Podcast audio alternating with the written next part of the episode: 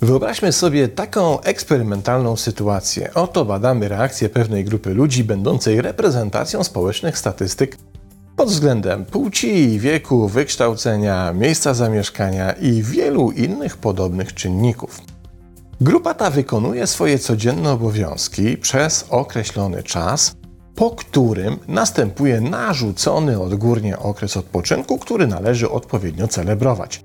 Przez co rozumie się dokładne wysprzątanie miejsca, w którym się mieszka, zadbanie o odpowiednio kolorowy wystrój, w którym migoczące światełka są mile widziane, przyrządzenie odpowiedniej ilości niecodziennych potraw itd. Tak Na ten narzucony odpoczynek od pracy wyznaczono trzy dni, po których wszystko ma wrócić do normy. Jak się będzie zachowywała badana grupa? Otóż istnieje spore prawdopodobieństwo, że na kilka czy kilkanaście dni przed wyznaczonym terminem przymusowej przerwy w pracy dostaną zakupowego szału i będą biegać w gorączce i z rozbieganymi oczyma, starając się wyrobić w czasie z wszystkimi planami. To spowoduje, że staną się dużo bardziej wyczerpani niż normalnie, więc niczym w samospełniającym się proroctwie zakładany trzydniowy odpoczynek rzeczywiście będzie im potrzebny. Problem w tym, że kiedy już dotrwają do pierwszego dnia tej zakładanej laby, dorzucą sobie jeszcze dodatkowy wianuszek zajęć pod postacią wizyt, odwiedzin, spotkań i ceremoniałów, by swój odpoczynek godnie uczcić.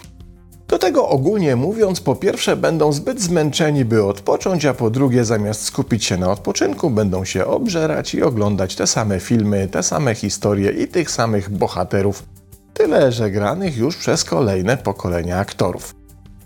Generalnie mówiąc, tym odpoczynkiem tak się zmęczą, że przez kolejne dni, te w których mieli już normalnie funkcjonować, będą niespecjalnie do użytku. Wiadomo więc, że przez co najmniej najbliższy tydzień w prowadzonych przez nich urzędach niczego nie da się załatwić, w biznesach nie będzie co liczyć na żadne wiążące decyzje, podobnie jak w dowolnych instytucjach.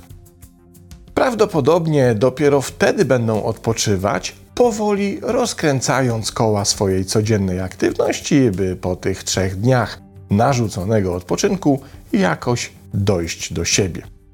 A w zamierzeniach te trzy dni miały być dniami wyciszenia, refleksji i spokoju, by nabrać nieco dystansu do siebie, do swoich spraw i swojego życia. No cóż, tym razem się nie udało, ale może uda się podczas kolejnych trzech ustawowo wolnych od pracy dni. Czy tym zmyślonym eksperymentem nie zdefiniowaliśmy właśnie świąt? I to niezależnie od tego, w co się wierzy i co się wyznaje i jakie tradycje pielęgnuje.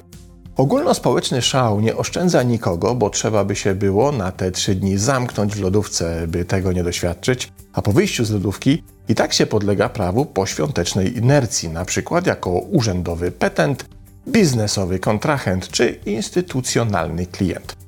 No dobra, ktoś powie, ale co w takim razie zrobić ze sobą, żeby nie tylko przetrwać to ogólne szaleństwo i nie tylko bardziej się nie zmęczyć, ale rzeczywiście na tym czasie skorzystać? Na pewno zaraz usłyszymy, że najlepiej by było te trzy bite dni siedzieć i medytować. Nie, chociaż to wcale nie takie złe rozwiązanie.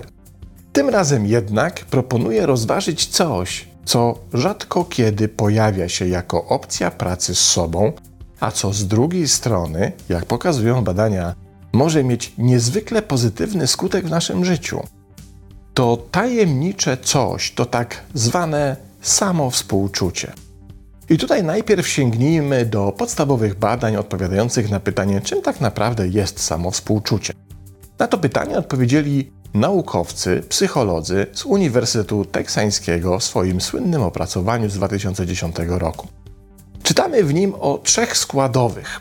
Pierwszą stanowi otwartość i wrażliwość na własne zmagania z życiem, wliczywszy w to zarówno niepowodzenia, jak i cierpienie. To również doświadczenie troski i życzliwości wobec samego siebie z jednoczesną, nieoceniającą postawą wobec własnych niedoskonałości. Drugą składową jest rozpoznanie, że nasze doświadczenia, niezależnie od tego, jak bolesne czy trudne, są częścią wspólnego doświadczenia ogółu ludzi I mimo, że odczuwamy je jako osobiste i wyjątkowe, w rzeczywistości inni ludzie również je dzielą. A to oznacza, że w naszych zmaganiach z rzeczywistością nie jesteśmy sami. I nie jesteśmy też jedyni, którzy zmagają się z problemami, których doświadczamy. Trzecią składową jest podjęcie na tyle zrównoważonej perspektywy trudnych sytuacji, by pogrążenie się w towarzyszących tym sytuacjom emocjach nie przesłoniło nam racjonalnego oglądu rzeczy. To rodzaj zachowania uważności bez popadania w emocjonalne wzburzenia na skutek zaistniałych, dyskomfortowych, nieprzewidzianych czy wręcz krytycznych sytuacji. I od razu też wyjaśnijmy, czym samo współczucie różni się od narcyzmu. Otóż w artykule opublikowanym przez naukowców z poprzednio cytowanych badań, ale rok później czytamy, że akt samowspółczucia nie operuje na podniesieniu samooceny, bo jego celem nie jest dążenie do jej podniesienia. W efekcie tego mechanizmu nie pojawia się ani poczucie wyjątkowości czy ponadprzeciętności, ani też potrzeba rywalizacyjnego porównywania się z innymi. A jeśli te aspekty się pojawiają, to nie jest to akt samowspółczucia. Tu nie chodzi o to, by przekonywać siebie, że jest się od innych w czymś lepszy, czy bardziej zasługującym na uwagę i podziw, a dokładnie odwrotnie, że zmagania, których doświadczamy, nie różnią nas w niczym od innych, którzy także ich doświadczają. To wewnętrzna troska kierowana do siebie, a nie pompowanie własnego ego. No dobrze, skoro już wiemy, czym jest samo współczucie, to najwyższa pora odpowiedzieć na pytanie, dlaczego namawiam do spróbowania przeprowadzenia samym sobą tego procesu, wykorzystując najbliższe dni, zamiast po raz setny oglądać te same filmy i dokonywać rytualnego obżarstwa, po którym nie da się poczuć dobrze.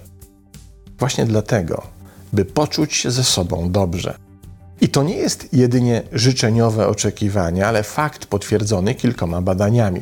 W jednym z nich, przeprowadzonym w 2011 roku, badacze z Uniwersytetu Duke ustalili, że badani, którzy wykazywali wysoki poziom współczucia dla siebie, o wiele lepiej od innych radzili sobie z trudnymi sytuacjami i stresem. Osiągali również dużo lepsze wyniki w rozwiązywaniu problemów, a nie w ucieczce od nich oraz byli w dużo mniejszym stopniu podatni na rozproszenia uwagi. Jak to zatem zrobić? Zawsze warto zacząć od zmiany wewnętrznej narracji, sposobu, w jaki opowiadasz sobie samemu czy samej swoją własną historię. To wychwycenie wszelkich pretensji za nieudane działania czy niespełnione oczekiwania i zamienienie ich w troskę i zrozumienie. Tak, popełniliśmy w życiu sporo błędów, ale zamiast się za nie obwiniać, możemy z nich wyciągnąć naukę, by zwiększyć prawdopodobieństwo ich uniknięcia w przyszłości. Tak, wiele rzeczy nam nie wyszło i najprawdopodobniej w większości wypadków nie znajdujemy się w tym miejscu w życiu, w którym przed laty planowaliśmy się znaleźć. To oczywiście generuje bolesne rozczarowania. Ale zamiast zmagać się z tym bólem, udawać, że go nie ma, czy też wyrzucać sobie, że zbyt mało zrobiliśmy, czy że okoliczności nie ułożyły się w odpowiednio sprawczej konfiguracji, możemy zaakceptować to, kim jesteśmy i gdzie jesteśmy. Bo przecież w tych rozczarowaniach nie jesteśmy sami, inni również się z nimi zmagają. I nie chodzi o to, by odczuwać satysfakcjonującej ulgi, że sąsiadowi też ukradli rower, ale by spojrzeć na siebie bardziej życzliwie, z większym zrozumieniem, troską i sympatią. Nie jesteśmy również sami w odczuwaniu wszystkich pozostałych trudnych emocji, tych związanych z porażkami, niedoskonałościami, żalem, zawodem czy wstydem. Ale kiedy zaakceptujemy to, że są towarzyszami naszej życiowej podróży i że pojawiają się w nas, szczególnie wówczas, kiedy samo ich pojawienie się potrafi dolać oliwy do ognia i znacznie utrudnić to, co i tak do łatwych już nie należy, to sam akt tej akceptacji odbiera im moc i energię i powoduje, że odbieramy im też władzę nad sobą. Dopiero to pozwala na bardziej racjonalny ogląd sytuacji, na perspektywę uważności, w której odkrywamy, że pod obrazem malowanym przez wzburzone emocje znajduje się zupełnie inna rzeczywistość. Taka, która nie jest nie do ogarnięcia. I wtedy otwierają się możliwości operacyjne, pojawia się sprawczość i wiele wyjść z sytuacji, które do tej pory nie były widoczne za zasłoną emocjonalnego wzburzenia. Samo współczucie to praca do wykonania wyłącznie w swojej głowie.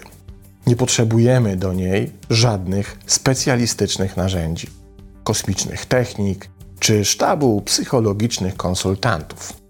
A czas świąt, niezależnie od tego, w co i jak głęboko wierzysz, to idealny moment do tego, by chociaż spróbować.